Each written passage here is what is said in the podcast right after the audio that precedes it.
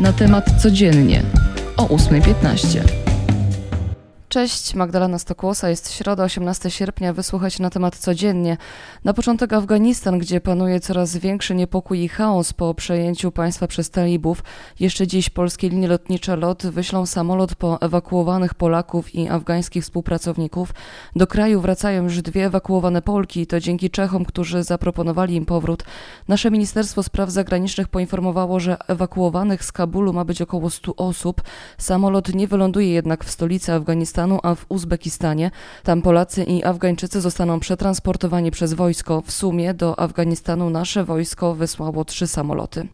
Wczoraj dotychczasowy wiceprezydent Armullah Saleh oznajmił na Twitterze, że został tymczasowym prezydentem kraju. Powołał się na prawo, które mówi o tym, że w momencie śmierci, nieobecności lub rezygnacji dotychczasowego prezydenta taką władzę obejmuje w Afganistanie właśnie wiceprezydent. Z kolei do Afganistanu przybył przywódca talibów Muła Abdul Gandhi Barader. To on w zeszłym roku w imieniu talibów podpisał porozumienie pokojowe z USA. Według umowy Amerykanie mieli wycofać się z Afganistanu, a talibowie zrezygnować z działań terrorystycznych i podjąć negocjacje z rządem w Kabulu. Wczoraj na pierwszej konferencji prasowej talibów od czasu przejęcia kraju ich rzecznik Muhadżid mówił, że po 20 latach walki wyzwolili kraj i wypędzili obcokrajowców. Zapewnił, że żołnierze afgańscy nie będą ścigani, e, że Afganistan nie chce mieć żadnych zewnętrznych i wewnętrznych wrogów i nie będzie dążył do konfliktów.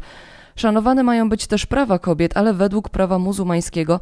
Innego zdania są Afganki, które ku zaskoczeniu całego świata wyszły wczoraj na ulicę w Kabulu walczyć właśnie o swoje prawa. Mówiło o tym, że chcą dostępu do edukacji, do pracy, do głosowania.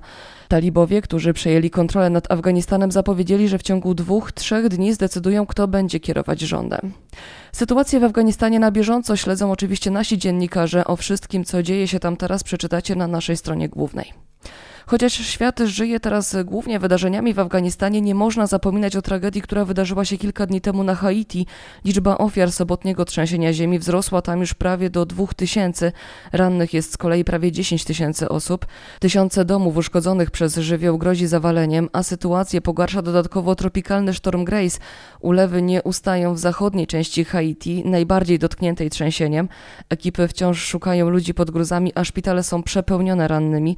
Nie ustają trwają wciąż tak zwane wstrząsy wtórne po głównym trzęsieniu.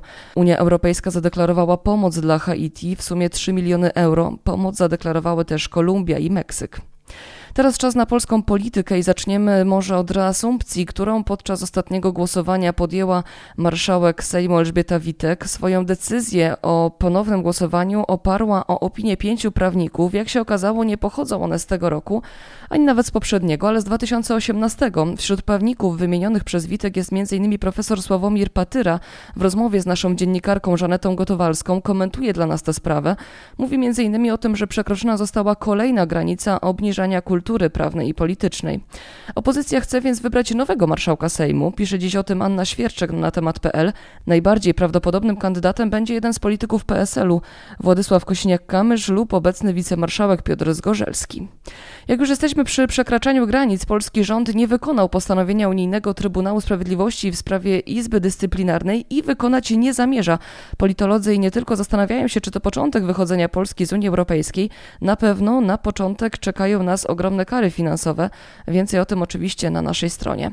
Dziś z kolei poznamy nazwisko nowego prezesa Polskiego Związku Piłki Nożnej. Oto stanowisko walczą Cezary Kulesza i Marek Koźmiński. Dotychczasowy szef Zbigniew Boniek zgodnie z przepisami odchodzi po dwóch kadencjach. Pełnił tę funkcję od 2012 roku. Obaj kandydaci zasiadają w zarządzie PZPN-u, pełnią również funkcję wiceprezesów. Na koniec mam dla Was pogodę. Nad Polskę zawitała chłodna masa powietrza, która zostanie z nami co najmniej do soboty, a nawet i do niedzieli. Na termometrach zobaczymy maksymalnie 22 stopnie, ale spokojnie. Jeszcze będziemy mieć okazję ponarzekać na ciepło. W okolicach końca sierpnia wtedy czeka nas ocieplenie. I tym kończymy dzisiejszy podcast. Magdalena Stokłosa. Dzięki, do usłyszenia jutro.